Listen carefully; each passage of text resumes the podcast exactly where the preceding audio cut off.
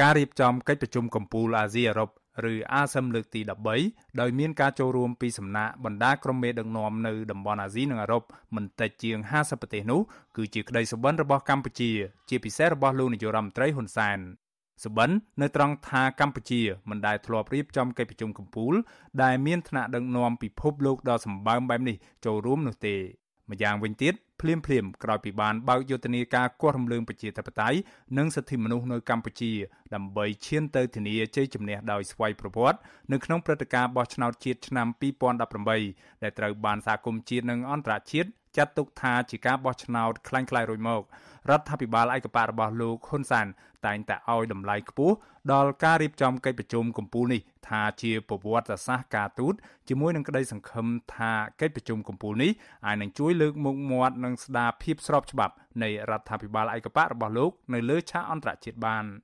ក៏ប៉ុន្តែនៅទីបំផុតទៅក្តីសុបិននិងក្តីសង្ឃឹមទាំងនេះបានសាបរលាបទៅវិញដោយសារតែការបន្តអូសបន្លាយនៃវិបត្តិជំងឺ Covid-19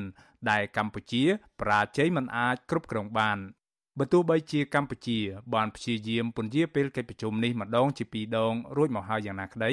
ពលគឺចាប់តាំងពីឆ្នាំ2020មកកម្ពុជានៅតែមិនអាចជំនះរៀបចំកិច្ចប្រជុំកំពូលនេះដោយមានការចូលរួមផ្ទាល់ពីសំណាក់ក្រុមមេដឹកនាំបរទេសបាន កាលពីដើមខែកក្កដាក្រសួងការបរទេសបានសម្រេចជាផ្លូវការថានឹងរៀបចំកិច្ចប្រជុំកំពូលនេះដែលនឹងប្រព្រឹត្តទៅនៅចុងខែវិច្ឆិកាខាងមុខនេះតាមប្រព័ន្ធអ៊ីនធឺណិតវិញដោយសារតែមានការឆ្លងរីករាលដាលនៃជំងឺ Covid-19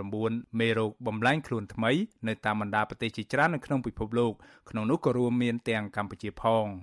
ជុំវិញការសម្រេចចិត្តរបស់កម្ពុជាជំនះរៀបចំកិច្ចប្រជុំកំពូលនេះតាមប្រព័ន្ធអ៊ីនធឺណិតគណៈកម្មការអឺរ៉ុប បញ្ជាក់ចំហរបស់ខ្លួនយ៉ាងច្បាស់ថាការដែលអនុញ្ញាតឲ្យកម្ពុជារៀបចំកិច្ចប្រជុំនេះឡើងមិនមែនមានន័យថាគណៈកម្មការអឺរ៉ុបទទួលស្គាល់ថាកម្ពុជា បានកែលម្អនិងស្ដារប្រជាធិបតេយ្យនោះទេអ្នកនាំពាក្យគណៈកម្មការអឺរ៉ុបអ្នកស្រី Anne Sophie Fernandez ពន្យល់ប្រាប់វិសុវអាស៊ីសេរីតាមសារអេឡិចត្រូនិក កាលពីថ្ងៃទី19កក្កដាថាការសម្រេចចិត្តអនុញ្ញាតឲ្យប្រទេសណាមួយធ្វើជាម្ចាស់ផ្ទះរៀបចំកិច្ចប្រជុំកំពូលអាស៊ឹមធ្វើឡើងដោយដៃគូរបស់អាស៊ឹមចំនួន53ប្រទេសនិងស្ថាប័ន អ្នកស្រីថាព្រឹត្តិការណ៍នេះម្ដងត្រូវប្រទេសនៅអឺរ៉ុបធ្វើជាម្ចាស់ផ្ទះនិងម្ដងទៀតត្រូវប្រទេសនៅអាស៊ីធ្វើជាម្ចាស់ផ្ទះដោយផ្អែកលើគោលការណ៍នៃការបដូរវេនគ្នាប្រចាំតំបន់អ្នកស្រីពន្យល់បន្តថាកិច្ចប្រជុំកំពូលអាស៊ាននេះគឺជាកិច្ចប្រជុំពហុភាគី ដែលបញ្ហាទ្វេភាគីឬតាក់ទងទៅនឹងប្រទេសជាក់លាក់ណាមួយមិនត្រូវបានលើកយកមកពិភាក្សានោះទេ វិសុវអស៊ីស្រីមិនអាចតាក់ទងแนะនាំពាក្យក្រសួងការបរទេសលោកកុយគួងដើម្បីសុំប្រតិកម្មជុំវិញរឿងនេះបាននៅឡើយទេកាលពីយប់ថ្ងៃទី20ខែកក្កដាដោយសារលោកមិនលើកទូរស័ព្ទអ្នកជំនាញវិជាសាស្ត្រនយោបាយនិងទំនាក់ទំនងអន្តរជាតិលោកអែមសវណ្ណារាមើលឃើញថាបើទោះបីជាការជំនះរៀបចំកិច្ចប្រជុំកំពូលនេះតាមប្រព័ន្ធអ៊ីនធឺណិត អាចឲ្យកម្ពុជាលុបបំបាត់នឹងការលើកឡើងអវិជ្ជមានមួយចំនួនក៏ដោយក្តីក៏ប៉ុន្តែលោកថាការនេះមិនមែនឆ្លុះបញ្ចាំងថាកម្ពុជា បានធ្វើឲ្យប្រសើរឡើងនៅលទ្ធិប្រជាធិបតេយ្យនិងសិទ្ធិមនុស្សនោះទេ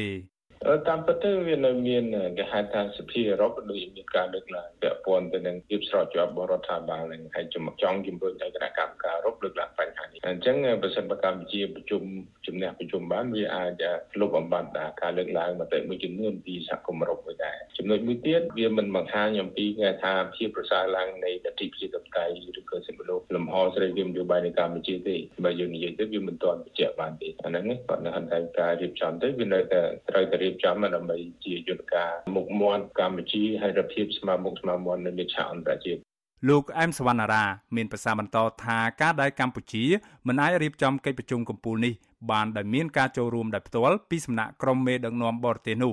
បានធ្វើឲ្យកម្ពុជាបាត់បង់នៅឱកាសនៅក្នុងការកេងចំណេញពីគោលនយោបាយការទូតនិងទេសចរព្រមទាំងជំរុញនៅភាពស្របច្បាប់របស់រដ្ឋាភិបាលរីឯអ្នកជំនាញកិច្ចការអន្តរជាតិ ជានាយកវិទ្យាស្ថានចក្ខុវិស័យអាស៊ីឬហៅកាត់ថា AVI បណ្ឌិតឈៀងវណ្ណរិទ្ធដែលជាសមាជិកមួយរូបនៃក្រុមការងារសរសេរសន្ទរកថាឲ្យលោកនាយរដ្ឋមន្ត្រីហ៊ុនសែនសម្រាប់កិច្ចប្រជុំកំពូលអាស៊ីអឺរ៉ុបនេះមើលឃើញថាកម្ពុជាពុំមានជំរើសអ្វីក្រៅតែពីជំនះរៀបចំកិច្ចប្រជុំកំពូលនេះឡើងតាមប្រព័ន្ធអ៊ីនធឺណិត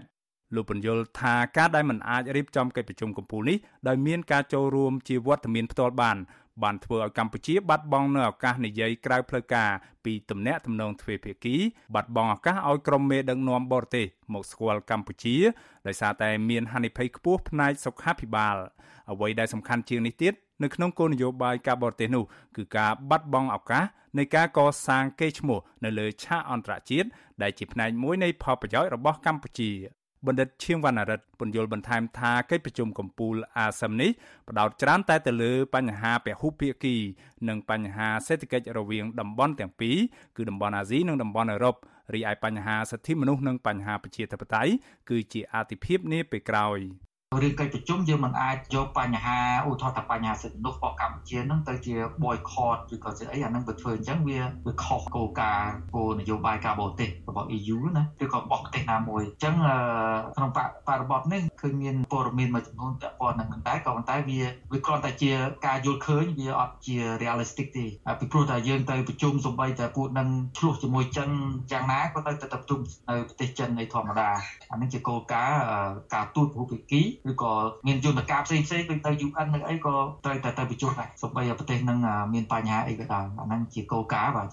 ក្រោយផ្ដាច់ប្រព័ន្ធអនុគ្រោះពន្ធ EBA 20%របស់ខ្លួនពីកម្ពុជា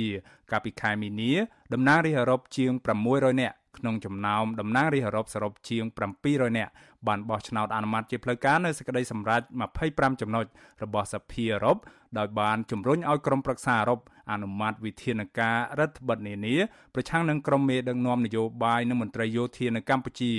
ដែលទទួលខុសត្រូវចំពោះអំពើរំលោភសិទ្ធិមនុស្សធ្ងន់ធ្ងរ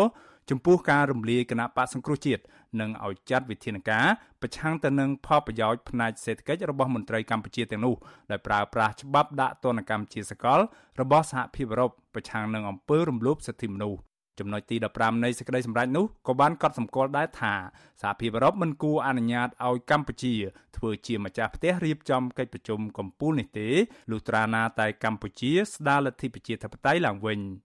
កិច្ចប្រជុំកំពូលអាស៊ីអឺរ៉ុបនេះ មានមេដឹកនាំកម្ពុជាកម្ពុជាមកពីអាស៊ីនិងអឺរ៉ុបសរុបចំនួន53ប្រទេសនិងស្ថាប័នចូលរួមនៅក្នុងនោះមាន21ប្រទេសមកពីតំបន់អាស៊ីនិង30ប្រទេសមកពីតំបន់អឺរ៉ុបព្រមទាំងអគ្គលេខាធិការដ្ឋានអាស៊ាននិងសហភាពអឺរ៉ុប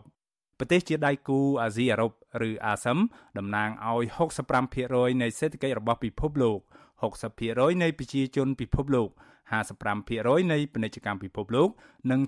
75%នៃទេសចរពិភពលោក កិច្ចប្រជុំកំពូលនេះដើរតួនាទីយ៉ាងសំខាន់នៅក្នុងការលើកកម្ពស់ភាពជាដៃគូនិងកិច្ចសហប្រតិបត្តិការតំបន់អាស៊ីអឺរ៉ុបដើម្បីលើកកម្ពស់សន្តិភាពវិបុលភាពសេដ្ឋកិច្ចនិងអភិវឌ្ឍសង្គម